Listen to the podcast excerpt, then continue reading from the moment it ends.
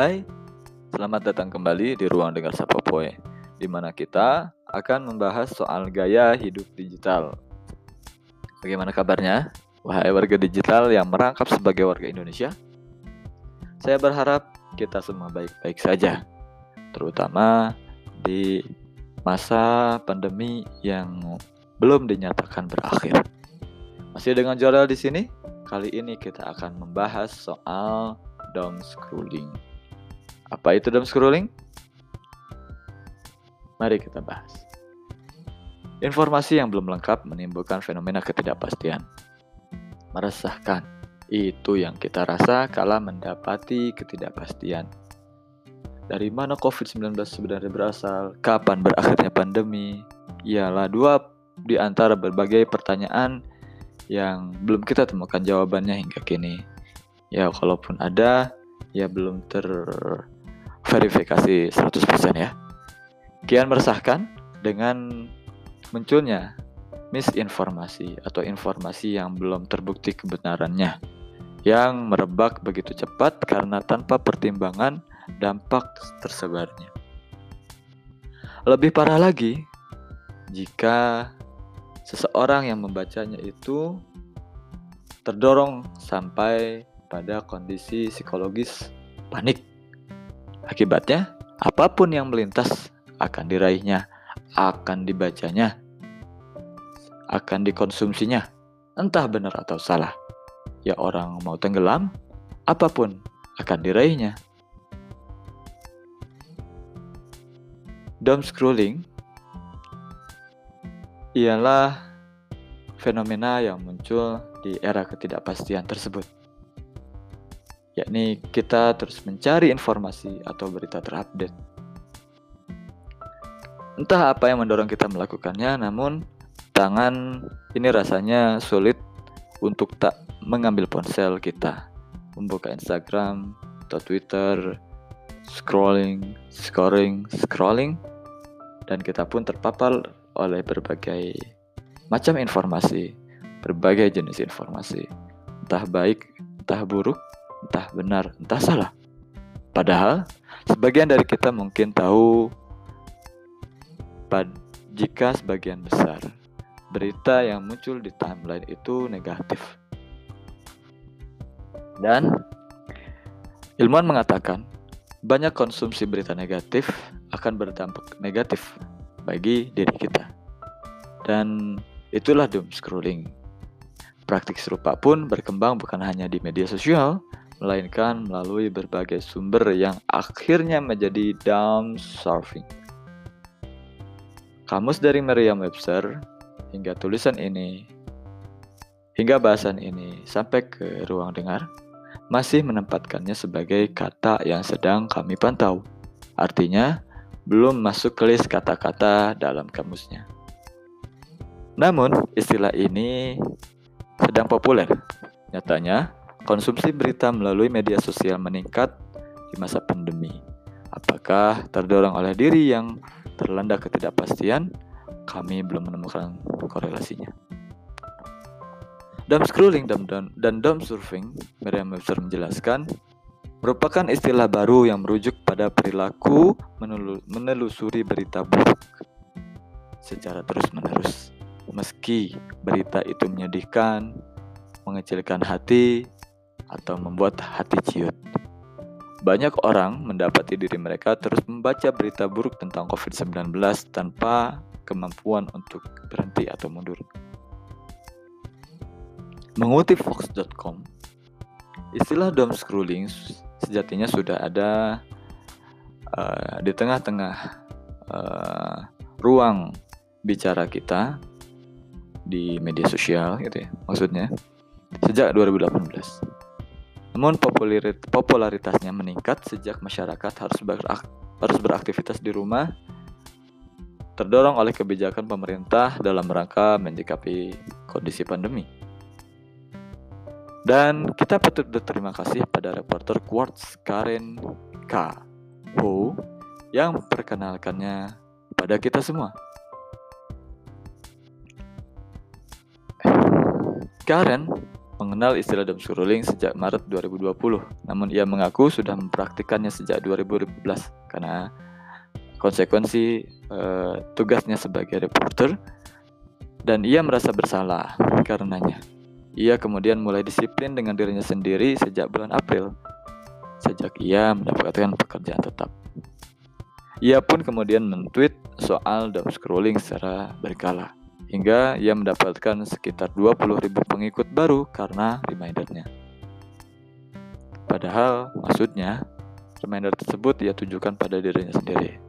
Ia mengatakan, semua orang tahu jika pengetahuan adalah kekuatan, dan banyak belajar dapat membantu kita memutuskan pilihan dengan baik. Namun, yang sebenarnya kita lakukan, menurutnya, adalah menyisihkan waktu dari kegiatan dan orang-orang yang kita cintai sambil bermain dengan produk perusahaan teknologi yang peroleh intensif dengan cara membuat kita terpaku pada layar. Kemudian, apa bahaya doom scrolling? Psikologis klinis Amelia Aldao mengingatkan jika perilaku yang biasanya para jurnalis lazim lakukan ini merupakan lingkaran setan, yang karenanya kecemasan justru akan mengisi hari-hari kita sebagaimana ia sampaikan pada NPR. Ia mengatakan, pikiran kita terprogram untuk waspada terhadap ancaman. Katanya, makin banyak waktu yang kita habiskan untuk scrolling, semakin kita menemukan bahaya, semakin kita tersedot ke dalamnya, dan semakin kita gelisah. Konten yang suram itu kemudian mengaktifasi filter gelap saat Anda melihat dunia, kata Aldau. Sekarang Anda melihat sekeliling Anda dan semuanya terasa suram. Semuanya membuatmu cemas. Jadi, kamu kembali untuk mencari informasi lebih lanjut terus dan terus. Kemudian, bagaimana cara keluar dari lingkaran setan dan scrolling. Saya sendiri sebagai seorang yang berprofesi sebagai penulis informasi, hampir tak mungkin untuk tak melakukan scrolling di media sosial atau surfing dan browser. Mulai dari mencari tema hingga mencari bahan, saya lakukan mencari jaringan internet. Sebagai penulis dan tentu saya yang menulis tentang doom scrolling saya tahu akhirnya tahu bahwa ini buruk perilaku ini buruk bagi kesehatan mental saya namun meski buruk tapi di sisi lain kita membutuhkan terkait dengan pekerjaan atau terkait dengan kebutuhan dalam rangka kita membuat keputusan sehari-hari mari kita bahas Sebetulnya, internet dengan berbagai bentuk sajian serta tampilan antar mukanya sangat membantu kita, para penulis, gitu ya. Untuk kami para penulis, setidaknya untuk riset awal atau mencari isu. Namun, sering kali disadari atau tidak, kita terjebak pula pada doom scrolling. Apalagi beberapa waktu belakangan, di mana-mana informasi berbagai bencana begitu deras saya merasa sampai-sampai seolah-olah semua yang di Indonesia ini semuanya buruk. Semuanya bencana. Namun semua seolah tak bisa dihindari. Saya dapat memaklumi sebenarnya karena dari perspektif ilmu jurnalistik pun memang berita negatif itu katanya lebih bernilai. Di kelas kami mendapatkan ajaran satu slogan yakni bad news is a good news. Namun sebagaimana disampaikan sebelumnya, berita negatif ini berdampak buruk bagi kesehatan. Dan perilaku ini melanda bukan saja pada para jurnalis, para penulis yang uh, namun juga kepada masyarakat secara umum. Belakangan, kebijakan PSBB atau lockdown memaksa kita sebisa mungkin beraktivitas hanya di dalam rumah. Akibatnya tadi, ketidakpastian. Kemudian sebenarnya apa sih yang mendorong kita melakukan doom scrolling? Psikoterapis yang berbasis di San Francisco, Amerika Serikat, Tracy Brigham menyampaikan pada Very Well Very Well Mind soal perilaku doom scroll dan dia mengatakan perilaku tersebut bermula dari perasaan yang jika aku tahu apa yang sedang terjadi saat ini, maka aku bisa mempersiapkan diri lebih baik. Semua bermula dari situ. Kita ketakutan akan kejadian yang mungkin terjadi tanpa kita duga. Maksudnya waspada. Dan karena itu, kita akhirnya terdorong untuk melakukan scrolling atau surfing. Dan dari perspektif psikologis, Tess Brigham menyampaikan, kita diprogram oleh sang pencipta untuk bertahan hidup dan mengantisipasi fenomena yang berpotensi membahayakan. Dan itu ada dalam DNA kita, sebagaimana nenek moyang kita membutuhkannya agar mampu bertahan hidup. Meski dunia kita sudah jauh berubah, kita masih memiliki dorongan untuk berjaga-jaga agar diri aman dan kita melakukannya dengan membaca berita dalam hal ini berita negatif.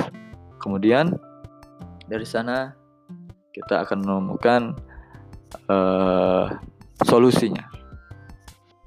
Berikut kami sampaikan sebagaimana uh, disampaikan oleh NPR.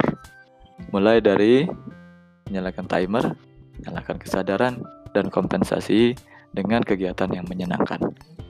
Namun, saya pribadi tertarik dengan istilah yang very mild, yang very well main gunakan, yaitu bagaimana agar scrolling jadi lebih positif. Cara untuk membuat scrolling menjadi lebih positif ialah dengan mengunjungi hanya situs yang kamu percayai. Mereka yang menyampaikan kejadian dengan cara yang adil. Dalam kasus COVID-19, kita senantiasa diarahkan sebenarnya oleh ekosistem di media sosial gitu ya oleh pihak media sosial ketika kita mendapatkan satu kata kunci dalam satu postingan atau gambar di satu postingan yang uh, terdeteksi terkait dengan COVID-19 maka kita akan diarahkan pada website atau sumber-sumber yang kredibel yang dianggap kredibel atau berwenang memang menyampaikannya dan itu upaya yang baik